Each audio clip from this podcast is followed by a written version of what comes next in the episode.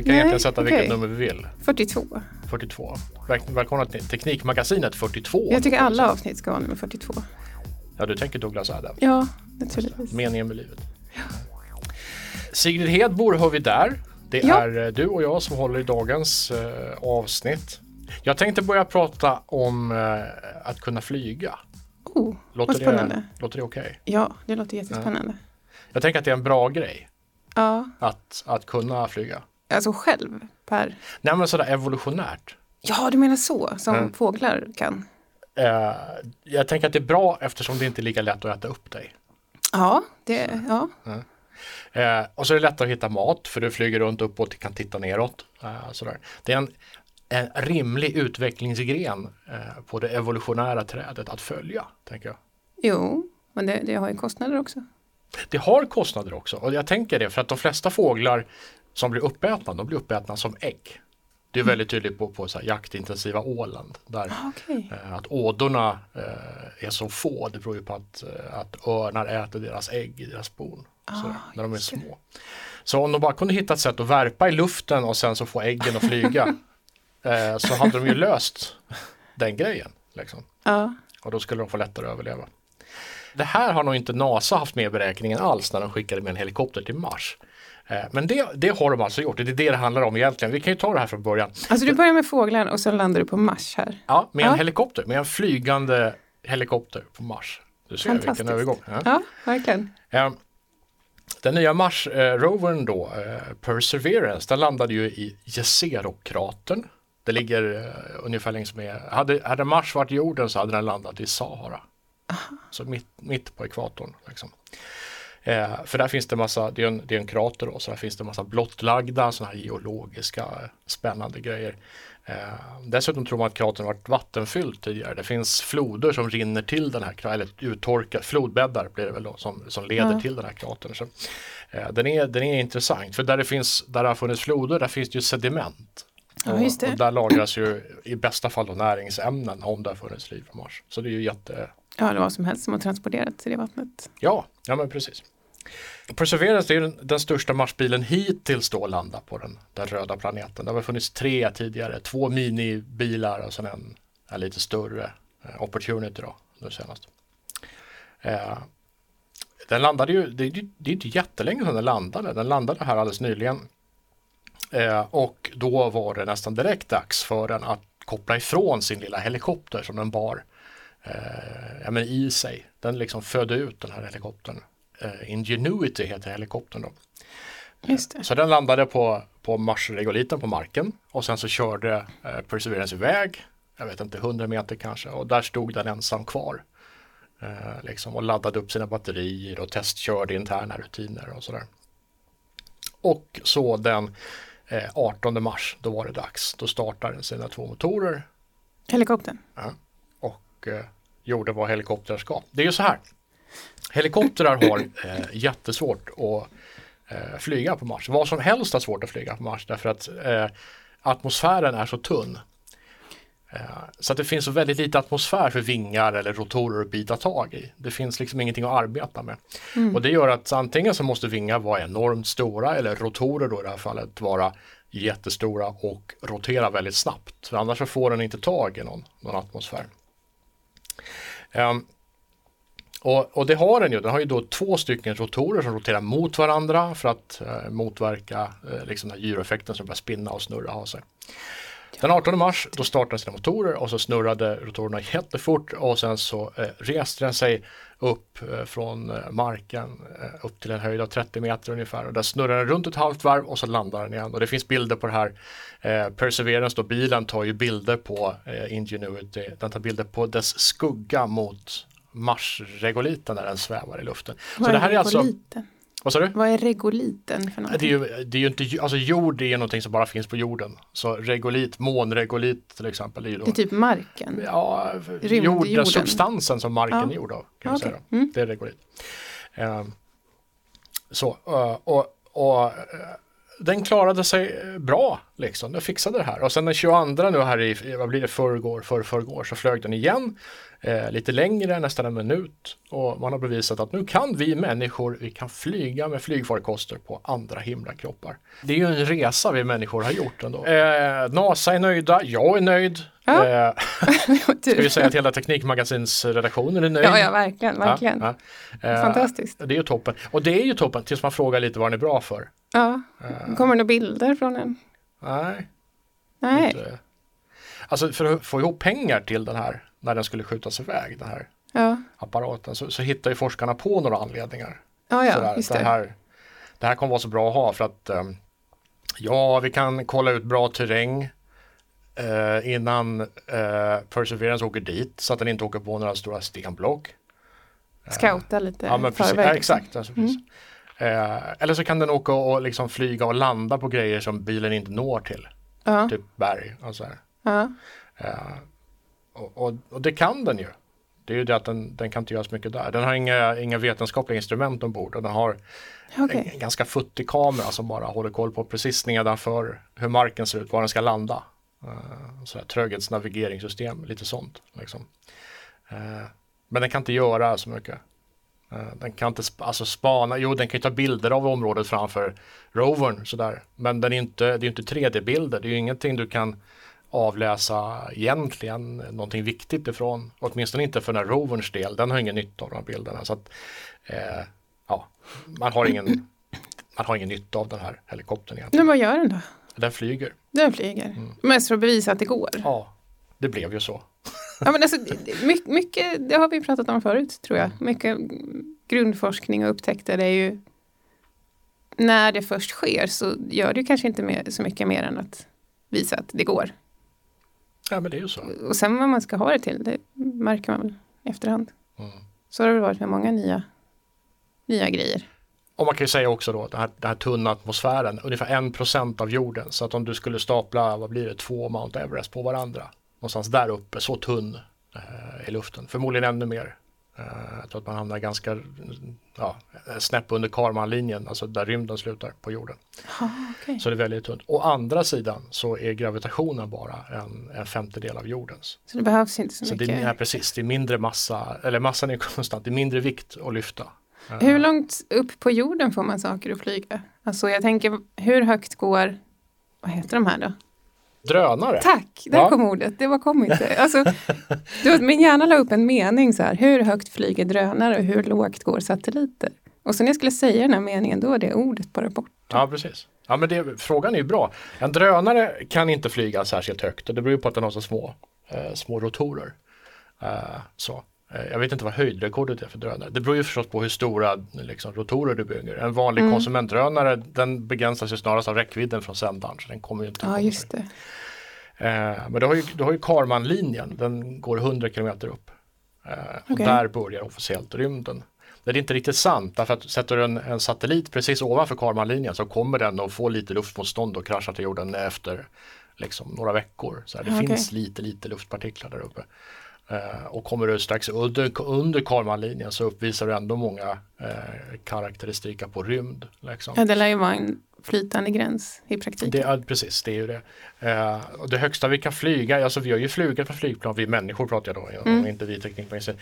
Eh, vi, har ju, vi har ju flugit högre än Karmanlinjen, X-15-programmet till exempel och i USA där man utforskade just nära rymden-flygning. Då tog man ju sats in i atmosfären och så sköt man upp ur atmosfären, svävade i rymden en stund och sen återvände. Oh, wow. Eh, och, och, då är det ju mer en filosofisk fråga var man slutar flyga och var man är ett rymdskepp. Liksom. Mm. Sådär. Trafikflygplan flyger ju på runt 10 kilometers höjd. 10 000 meter upp i luften plus minus 5 000 meter. Och det är ungefär där. Eh, så. Har du så- 10 kilometer plus minus 5000 meter. Mm. Alltså 5 Brukar till flyga på 15. fem, 15 000 meters Ja, höjd. Det mm. börjar bli lite högt eh, och så men, men det finns eh, det finns flygkorridorer som går så högt. Men det beror på vad det är för flygplan och det flyger i ett, ett, det amerikanska spaningsflygplanet SR-71 från kalla kriget. Eh, då kan du ju flyga dubbelt så högt. Blackbird, spaningsflygplanet, det som kraschade över Sovjetunionen, så det som fotograferade Kuba när det var dags för Kubakris. Det flyger på ja, dubbla höjden ungefär mot ett trafikflygplan, ännu högre. Det kan mm. komma upp på 80 000 meter till och med. Eh, så, så det, beror, det beror på, vad är flygning och vad är rymdfart? Sådär. Men lite så ser det ut. Men det är svårt med flygning högt upp för att det inte är så himla mycket luft att ta i. Liksom. Ta i jo, är säkert fast också det kan fel uttryck. det kan du, Nej, det, det är det inte. Alltså du kan ju kompensera det med hög fart. Ju högre Mm. fart desto fler luftpartiklar per tidsenhet kommer ju din flygkropp att möta och kunna röra sig. Eh, Men det finns, ju, det finns ju andra svårigheter. Det gäller ju att ta sig upp i den hastigheten också. Men vilken motor kommer upp i den hastigheten? Mm. En motor är alltid en reaktionsmotor. Eller de, våra jetmotorer är reaktionsmotorer. Den behöver en reaktionsmassa, alltså luft, för att kunna eh, komprimera och skicka ut den i andra änden. Om, det inte luft, om inte luften finns till att börja med, då kan du inte ta dig upp i hastigheter som krävs för att flyga på den, i den tunna luften. Är med? Så Ja, du måste det. kanske ha raketmotorer eller scramjets eller ramjets eller någonting annat som förmår pressa ihop luften tillräckligt mycket. Då. Eller har de med sig sin egen massa som de skickar iväg? Ja, om du har en Själva raket. raketmotor. Raketmotor har ju sin egen motmassa, exakt. Och då har du ju en, en, ett oxideringsmedel och ett förbränningsmedel som du kombinerar och det, det skapar ju då en, en kontrollerad explosion som rör dig framåt. Mm. Så, Newtons lag och det där. Och det är själva raketbränslet själv då som skickas ut åt andra hållet så Mm. att man får någonting som rör sig. Ja, fast en massa, en på, hastighet. påtänt och expanderat. Ja, Okej, Ja, så att det ger en högre så, hö, så hög eh, utgångshastighet som möjligt då kan man säga. För ju högre utgångshastighet desto mer rör du dig i andra änden. Eller så fortare rör du dig i andra änden. Inte mer men fortare. ju högre hastighet desto fortare. Ja, men det är ingen dum regel. Den kan vi uppfinna. Ju högre fart desto fortare går det. Ja, men det jo, för det stämmer. En scramjet till exempel. Som är inte det lite en taftologi? ja, det är det. Det stämmer. Ändå. Eh, Så scramjet bygger på precis det faktumet. Ju fortare det går desto snabbare färdas du. Eller det variationer på temat? Nu är det din tur. Ja, eh, jag har läst eh, om eh, solcellsdrivna hörlurar. Ja, nyheten är ju då att de äntligen, ja, jag tycker det äntligen, eh, har tagit fram solcellsdrivna hörlurar. De har fått fram solceller som går att sätta på hörlurar, vilket gör att hörlurarna blir ehm, ja, självladdande. Om man har de här eh, hörlurarna på sig ute i solen, så en timme i solen ger de tillräckligt med energi för att de ska gå och spela musik sen i tre timmar. En timme i mulet väder ger två timmars speltid och en timme inomhus, eh, åtminstone om man lägger den i fönstret, ger en timme speltid. Eh, det här är ju fantastiskt för att man kan använda Alltså man kan använda sina hörlurar utan att vara så himla beroende av att komma åt och ladda upp dem hela tiden. Men eh, de har också ett... Eh, mm, de går att ladda med vanlig USB-koppling också. Har, Men har de liksom en solpanel ovanpå sig då? ja, Liksom de har en bilen? liten solcell som... Ja, det hjälper inte att Ah, jag visar. okej. Nej. De har en liten solcell det syns ju inte i radio, hemskt Nej, tråkigt. Men gör ju inte det. det, det är, solcellen sitter på själva hörlurarna. Det är även på gång att komma en cykelhjälm med samma typ av solcell. Eh, som då driver en sån här liten cykellampa som sitter i själva hjälmen. Mm. Jag tycker det här är jättehäftigt att de har kommit med själva tekniken. Eh, Men jag höll på med solceller för 15-20 år sedan. Då var ju det jätte i ropet att alla höll på med forskning och utveckling på tunnfilmsolceller. För det är det det här handlar om. De flesta solceller vi ser på folks tak och sådär. De är ju kiselbaserade. Men de här är baserade på eh, titandioxid, nanopartiklar, titandioxid. Som man sedan dessutom har färgat. Det är själva färgmolekylen som plockar upp eh, ljuset och, och omvandlar det till elektricitet kan man säga. Eller flytta på elektronerna som fångas upp av titandioxiden. Som sen går runt och driver i en krets. Och Men jag, är, det, är det här den nya tekniken, den som ska ta över eller är det, alltså är det, varför använder man inte den överallt då? den här tunnfilmstekniken, den har inte varit tillräckligt effektiv. Ah, okay. ehm, att, att kunna vara praktiskt användbar. Ja, det var lite Vad snackar det, vi för verkningsgrader då? Går det att jämföra mellan de här två typerna? de, de, jag vet att den verkningsgraden på de solcellerna som jag höll på med när vi höll på och lekte med sånt. Eller lekte, det var, jo men det gör man väl när man forskar. Det var på Absolut. grundforskningsnivå. Mm. Det är ju det är som att leka, Mm. jättekul. Eh, de hade ju jättedålig eh, verkningsgrad. Men det var mest att vi, alltså som vi pratade om förut, konstaterade att det går att göra på något nytt sätt. Eh, det vi gjorde var att vi testade om de gick, för de behöver ju färgas med någonting. Vi testade om det gick att färga med växtfärger från rödbeta och rödkål och sånt. Och det gick. Sen är det ingen som har tagit det något vidare, så det var nog ett, ett stickspår, sidospår som inte ledde till någonting. Men de här människorna, de har, de har, jag vet faktiskt inte vad de har färgat dem med, men de har jobbat på, eh, det behöver vara ett ledande skikt, en, en elektro, elektro, elektrolyd eller elektrod. Eh, och den har de jobbat med, om jag har förstått det rätt. Så att den är mycket mer effektiv, vilket gör, kan göra att den här lilla, lilla, det som förut bara kunde vara ganska små solceller, kan nu vara en större solcell. Den är också, eh, jag tror att den är flexibel. De, de lägger inte upp så här jättemycket om själva em, tekniken. Em, men jag tror att den är flexibel och att de liksom printar själva solcellen. Men det måste ju vara framtiden. För jag tänker att jag Ja menar, men det tror jag. solceller har vi ju hört talas om sedan vadå, 80-talet. Men ofta är det ju applikationerna som gör att någonting blir Ja, revolutionerande. ja, Så att just tanken att, men vänta nu, det är ju någonting vi går och har riktat mot himlen hela dagarna. Hörlurar, hjälmar, eller hur? Det är ju Ja. smart, det är ju, där, det är ju där applikationen, det smarta ligger. liksom. precis. Men ja. tekniken måste ju vara där.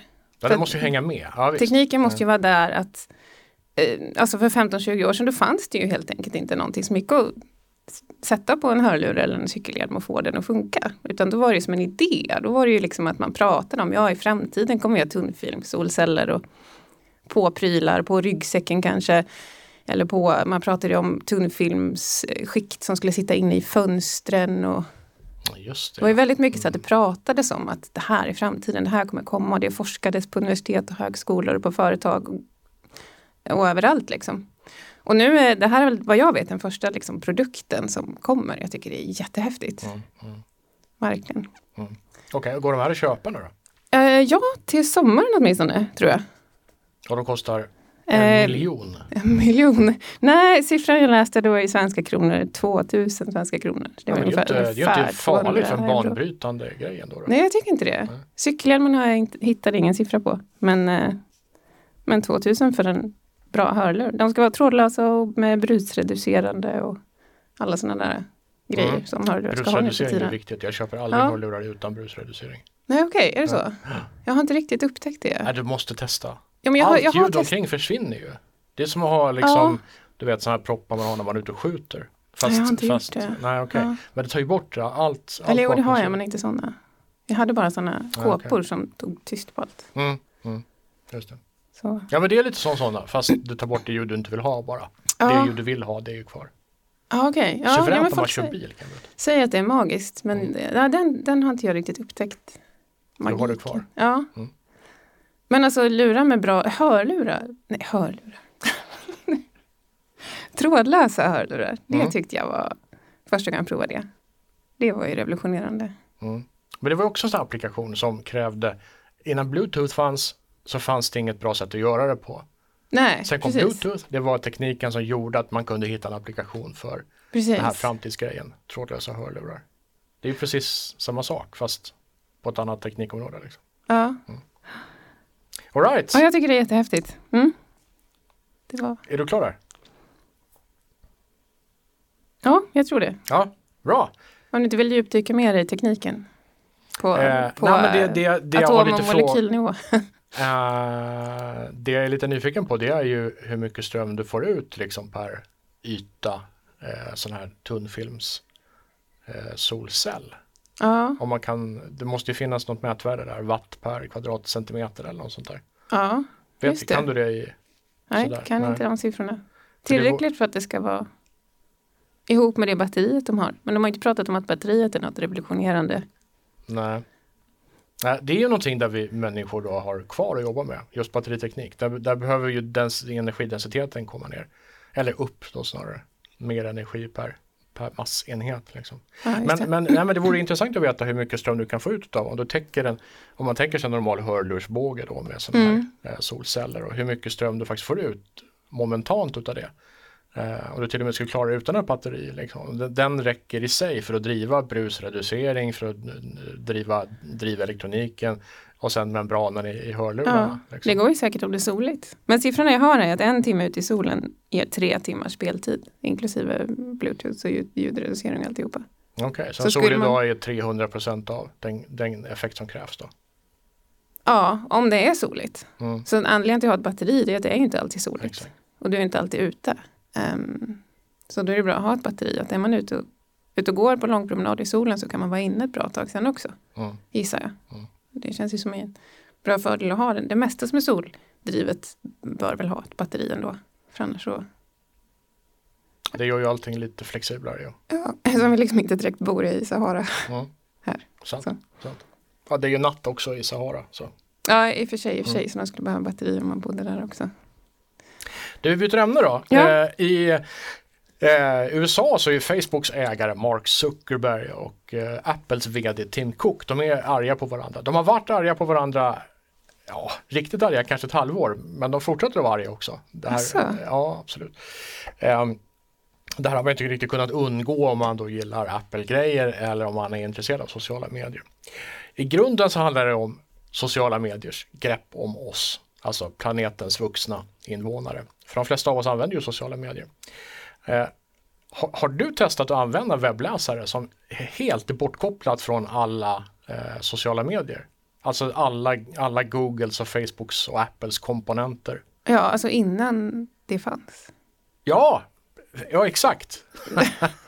det är bra. Eh, anakronistiskt liksom. Ja, men Ja, ja. precis. Jo, Jo, jo, ja, men men på exakt. Blåa 1990 länkar, Aftonbladets eh, så här giffar som blinkade och så Alltså innan Giffarna på 1990-talet. Ja, du är så. Ja. Precis. Men, grej, men, grej, men det är faktiskt det, det är en bra tanke därför det är precis där vi hamnar om du tar en webb, eller nästan, om du tar en webbläsare och stänger av de här funktionerna. Det finns ju särskilda webbläsare, de här fun- funktionerna finns inbyggda, Brave till exempel. Firefox går långt eh, så du kan stänga av mycket där, inte allt men mycket.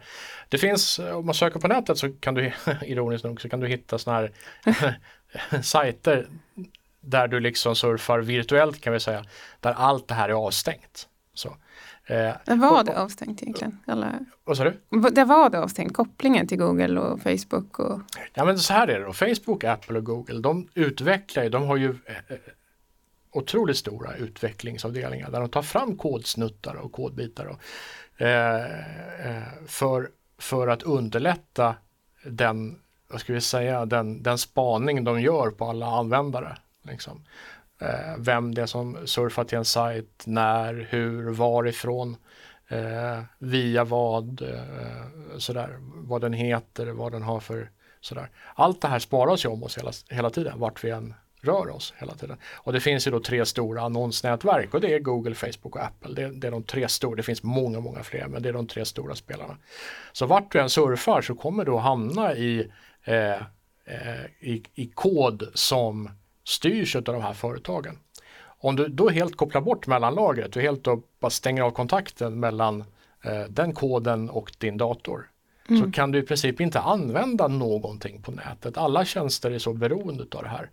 Du kan inte ens surfa in på, vad ska jag säga, HBL, alltså huvudstadsbladet i Helsingfors, hbl.fis sida eh, om du stänger av. För att allting, all trafikberäkning, alla annonsnätverk, allting bygger på den här, de här kodbitarna. Ja, det Kommer blir liksom inte åt? ingenting kvar. Sidan överhuvudtaget? Eller Nej, i menar du? princip inte. För du, allt det här kräver att du är, fakt- faktiskt är uppkopplad helt och hållet. Eh, det går ju att komma runt kanske. Alltså, det finns webbläsare som gör ett ganska bra jobb där de kopplar bort det mesta eller riktar om förfrågningar och så där du ändå i stort sett kan men det blir ganska begränsad eh, funktionalitet som man säger. Liksom. Det blir inte så mycket kvar av webbupplevelsen. Eh, i det här, de här kodsnuttarna krävs. De är, vi är så beroende av dem att vi egentligen inte kan koppla bort dem och ändå ha ett meningsfullt utbyte av internet. Eh, och det där var ju okej för, jag menar, vad ska vi hitta på, 15 och 10-15 år sedan när, när internet inte var så viktigt för oss som det är idag. Men idag vi sköter våra banktjänster, vi får recept, vi bokar läkartider. Det mesta vi gör i livet har ju med internet att göra. Så det är inte så att du bara kan, nej jag ska inte ha någon nätuppkoppling. Det går mm. liksom inte idag om du inte är extrem på något sätt. Eh, så vi är beroende av de här kodsnuttarna som de här tre jättarna då liksom producerar. Eh, vi kan inte riktigt värja oss emot dem eh, och vi, vi måste på något sätt använda dem fast vi inte vill. Och varje gång vi gör det, ja men då, vi, då är vi liksom spårade, upptäckta, eh, var vi är, vilka vi är, vad vi handlar, vilka sidor vi besöker, allting finns lagrat. Liksom. Okej, okay. så när då eh, Apple eh, tog fram sitt nya eh, iOS, operativsystem iOS, det som styr eh, iPhones och iPads då. Eh, och så småningom datorer också, för de ska ju få de här två att gå ihop så småningom. Eh, så när de släppte iOS 14, eh, ja men då bestämde man att från Apples sida att när man, som användare måste man ju liksom kunna välja eh, vad man vill, alltså när man vill bli spårad och inte. För det är inte bara operativsystem och, och webben i sig som, som liksom eh, håller koll på det, utan det är ju app, alla appar du laddar ner har ju också koll. De har ju dessutom koll på kanske kreditkort och bankuppgifter och sådana grejer också, så det är liksom ännu viktigare. Mm.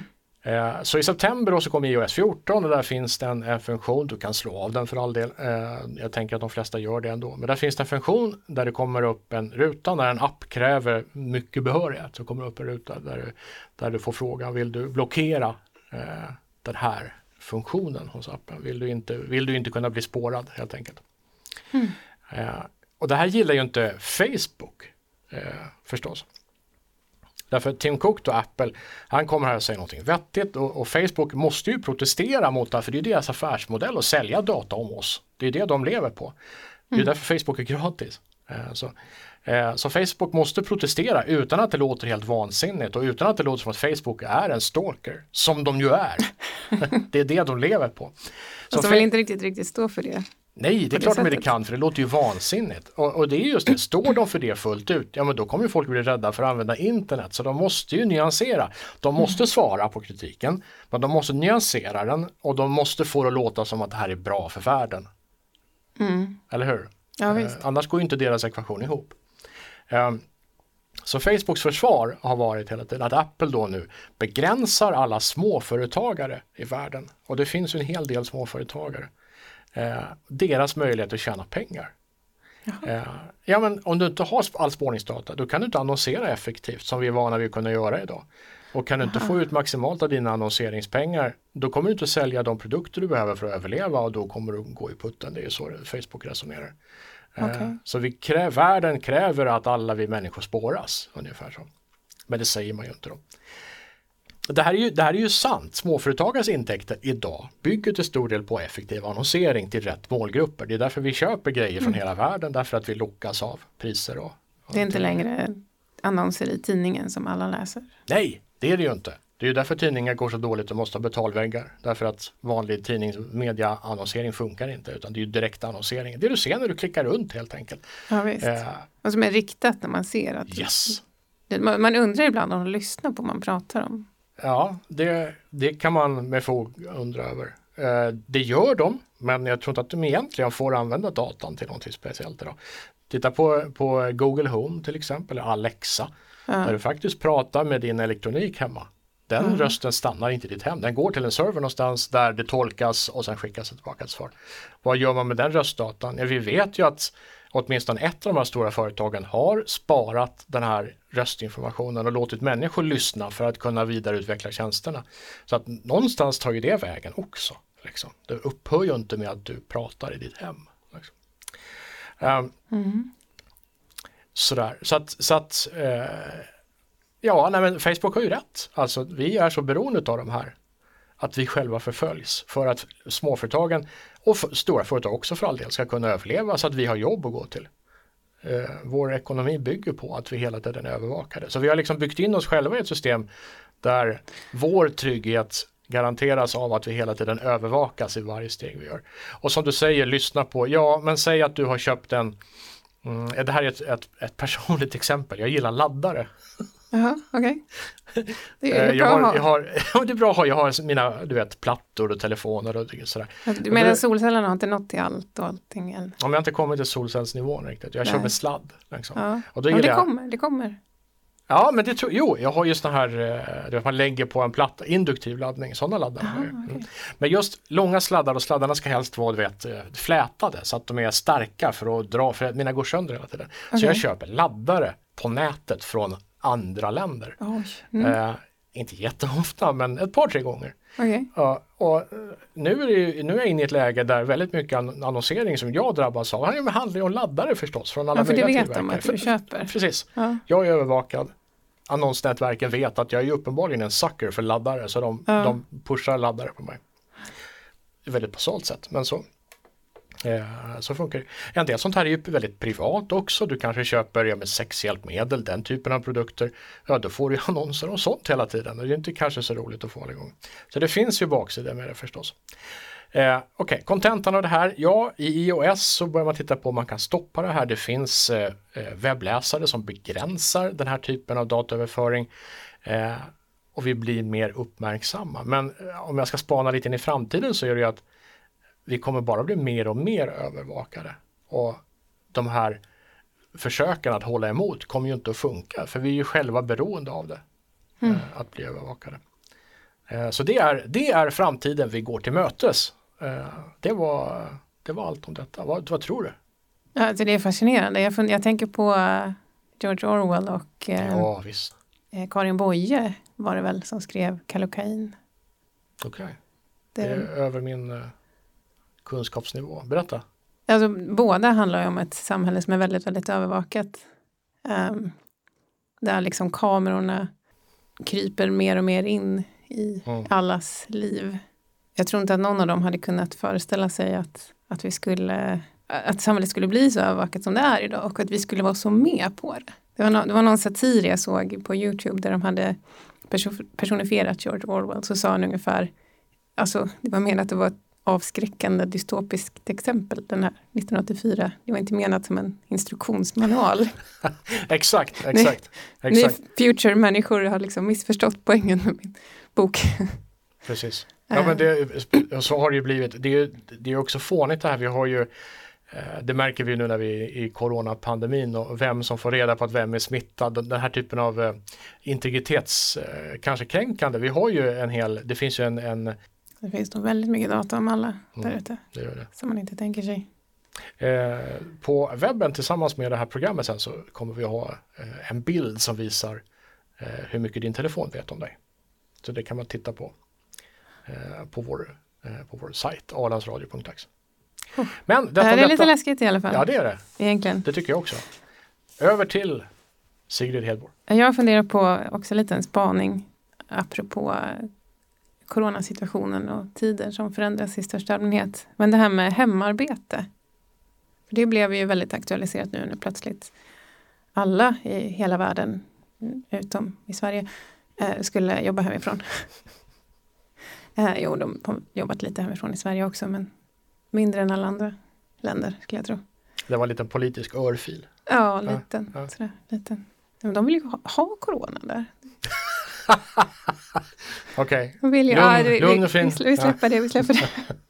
Jobba hemifrån. Mm. Det har ju blivit väldigt aktualiserat med coronasituationen. Väldigt många människor har jobbat väldigt mycket hemma. Och en av dem, det är ju såklart en på alla sätt hemsk situation som har drabbat världen. Men om man ska försöka se någon fördel i allt det onda så är det just att väldigt mycket som tidigare var väldigt omöjligt att göra hemifrån var ju plötsligt väldigt möjligt att göra hemifrån. Både arbete och studier och allt möjligt. Och eh, hur det här påverkar oss och hur mycket kommer leva kvar om coronasituationen är förbi en dag. Hur mycket kommer människor då att ha, ha liksom upptäckt att det var ju rätt nice att jobba hemma tre Mm. dagar i veckan. Och sitta och liksom ostörd i pyjamas i soffan och bara jobba på med själva arbetet. Man inte måste något av de här företagen, jag läste lite om lite olika företag, något av de här företagen har sagt att arbete ska ju inte vara en plats, utan det ska vara någonting man gör. Och det här kan ju tyckas vara en revolutionerande idé i sig. Att byta fokuset från att vara på en viss plats, en viss tid, att sitta på kontorsstol mellan måndag till fredag 8 till 5 än att snarare att skifta fokuset från det till själva prestationen, själva Mm. arbetet, själva tankeverksamheten, koden eller det kreativa eller texten eller vad det nu är man gör, liksom researchen. Mm, så det, jag läste, det är jättemånga företag nu som både i Sverige och andra länder, här vet jag inte riktigt hur det är, eh, som pratar mer och mer om att utveckla olika hybridmodeller och eh, olika flexibla arbetsplatser. Där medarbetare, man tänker sig att i framtiden ska medarbetarna få välja själva mer, kunna vara hemma vissa dagar i veckan. Eh, och många pratar om att i den mån man ändå vill och behöver vara på plats på ett kontor, om det, man tänker kontorsarbete då. Till exempel teknikutveckling eller vad som helst. Att man tänker sig att det blir, det blir ett kreativt utbyte, det blir ett socialt utbyte att mötas upp på en arbetsplats. Men mycket av arbetet kan man göra hemma Mm. på sitt eget sätt, i sin egen takt. Jag tycker det här är fantastiskt. Jag vet inte om det är så teknikspecifikt, men det, det är ju mycket teknikföretagen som eh, ofta ligger först med det här. Em, Microsoft och mm, ja, olika softwareföretag, mjukvaruföretag och Mm. har ju upptäckt väldigt mycket att det funkar jättebra att skicka hem medarbetarna. Ja, nej men vad tänker du om det här? Hemarbete Nej, jag och att det måste, skiftet en, från det måste vara en klassfråga tänker jag. Jag menar, det också. det är jättesvårt att vara liksom, eh, så här renhållningsarbetare. Återvinningsarbetare kanske Det heter går ju inte. hemifrån. Sådär. Utan det är ju vi som har jobb där vi kan sitta och göra research eller vi kan sitta och planera eller vi kan sitta och sådär. Det går Men är inte det ett intressant steg att ta i de arbeten där det går att göra en stor del av arbetet hemma? Absolut. Så jag förstår ju om man jobbar som städare, det har jag gjort. Då behöver man ju vara där. Mm. Det är inte mycket man kan, vad ska man gå hem och sortera städtrasorna? Jag undrar liksom? över effektiviteten bara. Eh, ett exempel där det verkligen har funkat bra. Ja. Eh, det är just eh, programmering, kodning. ja. Eh, därför har du bara rätt eh, vad ska jag säga, projektledning så kan du väldigt, på ett väldigt enkelt sätt lämna in kodsnuttar och de kan testas och de kan vidimeras och läggas upp Mm. i ett arkiv. Eh, och så nästa dag så får du ett nytt problem och så ska du liksom sådär. Det, det är lite, lite löpande band och det är väldigt enkelt att kontrollera och följa upp. Liksom. Så det är ju, det är ju paradexempel på där det här funkar bra. Eh, där tror jag att alla, tänk alla de spelbolag och just mjukvarubolag Eh, som idag, Microsoft har ju liksom hundratusentals människor som arbetar egentligen bara hemifrån. Mm. Eh, där sparar man ju in, när det är så stora eh, skalor också, så sparar man in så mycket på hyror och på alla möjliga kringkostnader som du har för anställda. Annars. Precis, det är en sån sak som jag tror att de har upptäckt nu Mm. i och med pandemisituationen. Mm. När de var tvungna att lämna massa stora kontorslokaler tomma. Men det är Att de också börjar reflektera över hur mycket ett kontor behöver vi ha egentligen. precis. Mm. Jo, men det är också det att du lyfter över den kostnaden till den anställda istället. ja, Om du bor i en aspekt. tvårummare med två barn så är det du, du, kan, inte- du kan inte sitta hemma och jobba då. Nej, de jag barnen kanske har det på också. dagis liksom. Ja. Men, men, eh, så det blir en helt annan, så du behöver förmodligen en större, och det har man ju också märkt i demografin, att det, folk köper större eller, eller hyr större lägenheter, större hus för att kunna ha ett arbetsrum. Mm. Eh, så så då har man ju flyttat, då har man ju så här, arbetsgivaren har lagt ut den kostnaden utan ersättning på den anställda. Att du får jobba hemifrån, behöver du större lägenhet, ja men det är ju inte vårt problem, du får ju förmånen att jobba hemifrån. Så det kan ju också användas emot den. Liksom. Men jag tror Mm. som du, det här kommer ju inte att vända tillbaka, inte helt och hållet i alla fall, utan i, nu i framtiden så kommer vi att jobba mycket mer hemifrån, absolut, det tror jag också. Jag tänker just att man kan ha, tillåta en flexibilitet. För jag vet också, tittar man på individer, olika individer, men som alla har arbeten som kan göras lika gärna på kontoret som hemma, i hemmakontoret eller från köksbordet. Ehm, så är det väldigt olika hur personer upplever det där. Vissa individer tycker att det är jättejobbigt att, att jobba hemma och stolen är obekväm och jag kan inte koncentrera mig för att det är fel miljö. Och vissa upplever tvärtom att man kan inte koncentrera sig i en miljö där andra människor sitter och grejer med sitt. Och, och man behöver liksom komma in i det här verkligen deep work när man verkligen helt försvinner in i sin research eller sin, sin kreativa problemlösning eller vad det nu är. Men att det blir mer flexibelt då, att de som behöver den här stökiga miljön på jobbet, de kan jobba på jobbet. Ja, de kanske inte upplever det så stökigt då. Nej, så- ja, men precis. Ja. Och, och de som behöver kunna koncentrera sig och jobba ens, enskilt och Ja. ostört, de kan jobba hemifrån. Att, man, att företagen lär sig att eh, Ja, det är det jag hoppas på. Att, man ska kunna, att det ska bli lite mer av det skiftet framöver. När världen så småningom landar i en ny, en ny tillvaro Mm. efter det här. att man ska vara lite mer öppen för jag föreställer mig att det skulle kunna funnits en misstro, liksom, att människor som själva uppger att nej, men jag kan väl jobba hemma. Nej, men du ska vara på kontoret så vi ser att du gör något. Att det kanske för, har skett ett skifte nu att okej, okay, vi får väl se att du gör något på att det kommer en text, att det kommer en kodsnutt, att det kommer en vad det nu är som man vill ha levererat. Att man börjar skifta liksom, fokus till det resultatet. Men förhoppningsvis att det skulle kunna finnas en flexibilitet då med mellan hemma och kontorsarbete. Ja, jag tycker det är jättespännande. Men... Tids nog får vi reda på hur, hur det gick. Ja. Tänk arbetsgivarna måste ju våga släppa taget också. Ja men pandemin har ju tvingat dem. Jo, det spelar ingen roll om de vågar eller inte, nu är det ju bara så. Mm. Antingen så får vi lägga ner verksamheten helt eller så får vi prova att låta alla jobba hemifrån. Äger du en tv-apparat? Nej, det var länge sedan jag hade tv-apparat. Varför det? Vad ska jag med det till? Eh, det är en jättebra fråga, men jag tror att den vanliga, det vanliga svaret är att titta på tv. Ja, just det. Mm. Men, men, man har ju dator. Mm. Den tar ju liksom, de flesta har ju så här play-funktioner. Mm. Så är det. Det här är absolut, och det är en man trend. Man kan ha streamingtjänster. Eh, precis. precis. Eh, om man tittar på, eh, jag skriver om, om just tv-teknik och tv-apparater i ja. eh, svenska tidningar. Okay. Eh, så jag, jag, följer med hela marknaden. Liksom. Ah, och, vad spännande. Eh, ja men det är teknikmässigt så är det spännande för det händer väldigt mycket på tv-fronten just nu. Är det så? Men det beror på att det måste hända och det, har, ja. det finns en mörk baksida här på något sätt ändå. Är det många som inte har tv nu för tiden? Eh, nej har... det är det inte men man har tv av okay. andra skäl. Förr ja. hade man ju en tv eh, liksom på tjock-tv-tiden. för att titta för att man, på tv? Ja men man skulle ju se på Aktuellt och Rapport. Ja. Liksom. för de ju... jag känner som har tv när jag är hemma hos någon som har tv, då, då är det mest som en skärm. Det är en Exakt. stor fin skärm och så kopplar de in i alla fall in datorn till den för att kolla på någon film från någon streamingtjänst eller möjligen någon tv-kanals play. Exakt, precis så är det. Så tv-apparat, de som har tv-apparater idag, de har det som någon slags skärm. Vad vi säga? Ja men en nöjescentral ja. mitt i hemmet. Ja, liksom. Där du har din dator, precis alla har datorer anslutna till sina tv-apparater idag. Mm. Och inte bara det, eh, har en, en eh, rimligt avancerad tv så kan den ju trådlöst hålla koll på dina eh, kameror och telefoner och allt möjligt och samla ihop bilder och videosnuttar och familjen kan och sådär. Eh, så, men det är just det, från att vi går och tittar på tv så är det en skärm, en mm. egentligen ganska dum skärm som bara står eh, hemma hos oss. Eh, men då ska man tänka på, det finns eh, i, i, Finland så finns det ungefär 600 olika tv-apparater, alltså modeller att köpa. Eh, så, från alla tillverkare, du vet Samsung, Sony, LG, eh, ja, eh, Ulex, alla, det finns alla möjliga. Liksom. Sex, 600 eh, olika modeller om du går och shoppar på nätet eller i verkligheten så kommer du hitta totalt 600 olika modeller i olika storlekar. Typ 150 olika 55-tummare som är lite den nya. Du vet förut på tjock-tv-tiden så hade man, ju, hade man en stor tv så hade man en, en 28-tummare. Okay. Det var standard stort. Det är en liksom. standard gammal tjock-tv. Ja precis, 55 mm. tum det är det nya standard stort. Liksom.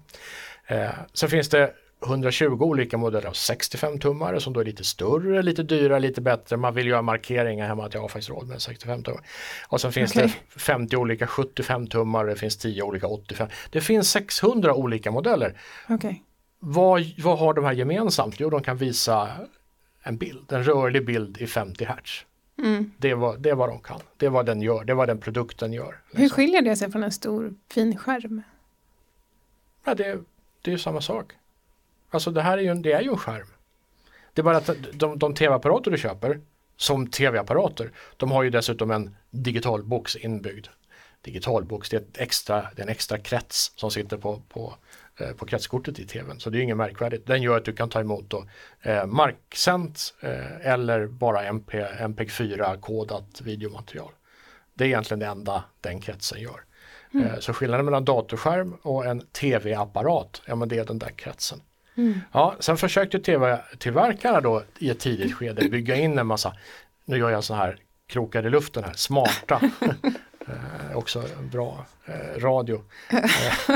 Eh, Med gester. Ja, precis. Eh, Så, eh, smarta funktioner så att, så att du kunde, ja, men du fick upp ett menysystem där du kunde, du kunde kolla på Youtube och du kunde kolla på Marksänd TV och du kunde få in TV4 från Sverige. Du kunde få in, Ja, man sådär. kunde få in Youtube i tvn alltså. Ja, ja Utan visst. Ja. någon Det handlar om att särskild dator. Utan, Ja, och det, det har ju de flesta tv-apparater idag. De har ju en liten dator inbyggd så att du kan komma åt. Men det, det är också, det är ju inga, egentligen inga konstigheter. Du måste ha någon liten motor som kan köra HTML eller XML-kod.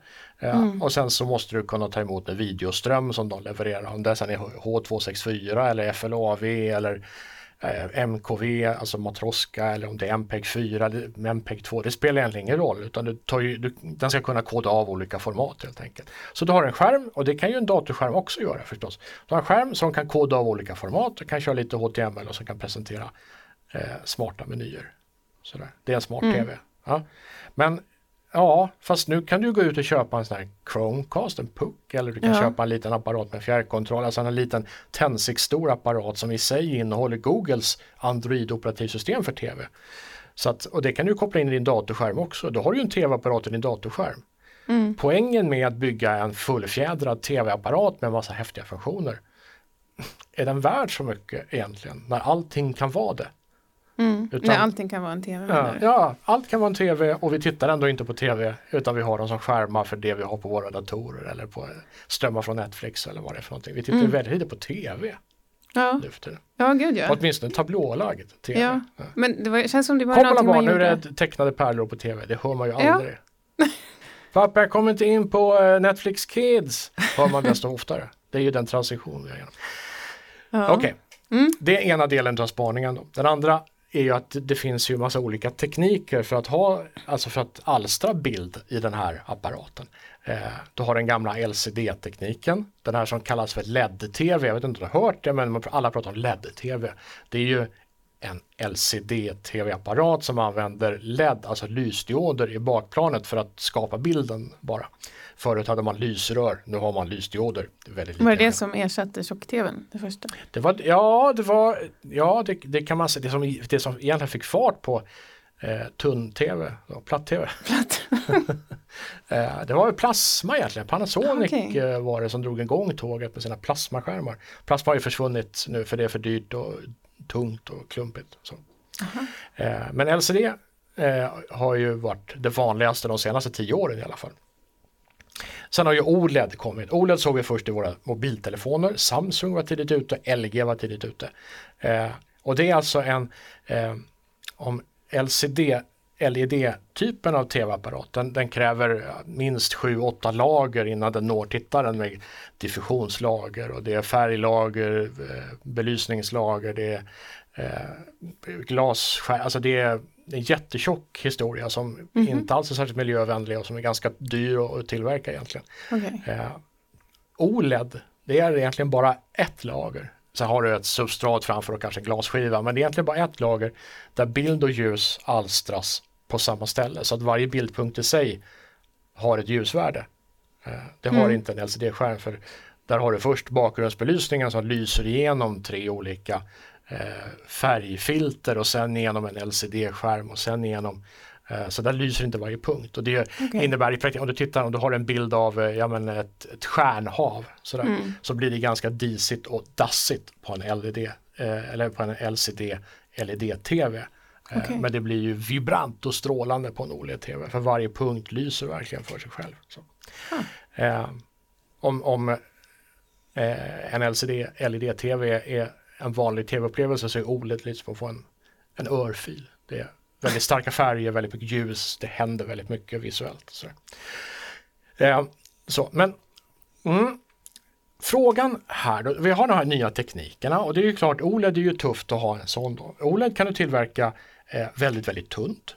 Eh, man kan i, i fabrikerna, det man egentligen gör är att man skriver ut OLED. Det är inte som att det pressas och trycks och eh, integreras kretsar utan egentligen så kan man med modern teknik bara skriva ut OLED-skärmar. Är det så? Eh, ja. Det var det de sa att de kunde göra med de där solcellerna också. ja, men du ser, framtid, exakt. Printa ut Precis, precis. Och det är det lite som krävs eh, för att det ska bli riktigt eh, flexibelt. Men det är ju Ja. också att du kan, du kan ju skriva ut OLED-skärmar, det har man ju pratat lite om, OLED-skärmar i form av tapetvådor. Jaha. Typ. Eh, så att du kan i princip då tapetsera hemma med en tv. Så att hela väggen, hela vardagsrumsväggen eller vad du nu vill ha, det är en enda stor skärm. Liksom. Tv är fel ord, skärm. Ja. skärm. Ja. Eh, och det här är på gång. Du kan redan göra det, jag tror inte någon liksom säljer tap- liksom skärmar på det sättet än i tapetvådor. Men det finns egentligen ingenting som hindrar det. Men räknas det här som tunnfilmsteknik? Nej, det gör nog inte tunnfilmsteknik. Då, då, då, då pratar vi om TFT egentligen, alltså eh, TFT-transistorer som du använder i en IPS-skärm egentligen. Eh, Det har mer att göra med eh, LCD än det har med OLED. Det är inte en självemissiv teknik. Nu tappade du mig i alla bokstavskombinationer. Ja, det, om, om, vi inte, om vi inte går den vägen utan bara konstaterar att det här, nej det är inte egentligen tunn, det är ju tunnfilmsteknik men det är inte det som brukar kallas tunnfilmsteknik, Okej. TFT, Thin Film Transistor, Ah, okej. utan det är en, en annan sorts teknik. Men, men effekten blir ju att det blir tunt och enkelt och möjligt att skriva ut. Så. Jag har inte sett någon som har eh, som sagt då, sålt liksom, skärmar i det här ovanliga nya formatet som är mycket större utan man har fortfarande tv-apparaterna. Men frågan här är hur länge ska vi gå och köpa tv-apparater? Vad har vi tv-apparaterna? Det vi vill ha det är ju en skärm som kan samla underhållningen. Ja, Eh. Kanske en i vardagsrummet om man nu fortfarande har eh, vardagsrum. Och sen kanske ett i det rum där ungarna håller hus så de kan se på sina grejer. Liksom. Men just i formatet tv-apparat med inbyggda högtalare och möjligheten att koda av marksänd tv och inbyggda tablåer och du vet det här behöver vi verkligen det längre. Det är en, en, tycker jag, helt relevant fråga. Men att jag är före min tid som slutade ha tv för Absolut. årtionden sedan så fort det gick att börja kolla på film på dataskärmen överhuvudtaget. Du är klart före din tid här. Eh, det är ju eh, också en fråga vad tv, alltså vad ska tv-tillverkarna göra då, som har så stor del av sin inkomst härifrån. Hur, hur tillverkar man 600 olika tv-apparater på ett sätt så att allihopa är konkurrenskraftiga? Jag förstår inte hur det är möjligt. Och tittar man på prisutveckling så ser man att inom det finns ju liksom ett budget, ett vanligt och sen ett premiumsegment som det finns inom alla områden, bilar och telefoner och allting. Men tittar du på ett segment, mellansegmentet, och så på priserna där, så ser man att priserna går runt i en cirkel eh, för att matcha alla andras lågpris, mellanpris, högpris. Eh, så, så att om du är intresserad av en tv-modell så handlar det bara om att vänta tills den här cirkeln kommer och liksom når där du är. Då har den samma pris som alla andra tv-apparater har haft vid ett tidigare tillfälle i tiden. Är du med? Priserna korrelerar med varandra helt och hållet, exakt samma priser, men de varierar i tid. Eh, så allt är en enda stor cirkelrörelse. Så att man kan inte ens konkurrera med pris, det är dit jag vill komma. Okej. Du kan inte sätta ett lägre pris än alla andra därför att, det, för att du ska få lönsamhet så måste du ändå röra dig i prissegmentet för att eh, kunna nå dina köpare.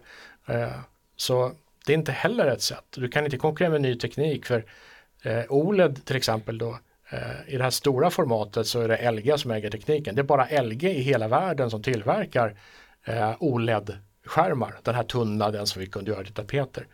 Eh, det finns fyra eller fem tillverkare av mindre sorters OLED-teknik. Eh, Samsung äger AMOLED-tekniken till exempel.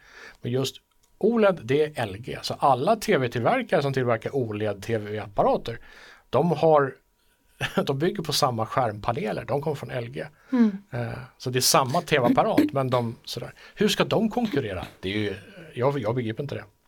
Vad tänker du? Jag själv har ju släppt det där för jättelänge sedan så jag tycker det är ett intressant. Det känns ju lite som ett so- socialt experiment att betrakta hur länge ska resten av befolkningen fortsätta titta på tv. Mm. Men kan det inte vara att man liksom hänger kvar i det man är van vid? Om man är van vid att ha den typen av möbleringar, man har soffan som står framför en skev tv-apparat, man är van vid att liksom slå på tvn och sen det där lilla extra att man kopplar in någon streamingtjänst eller Youtube.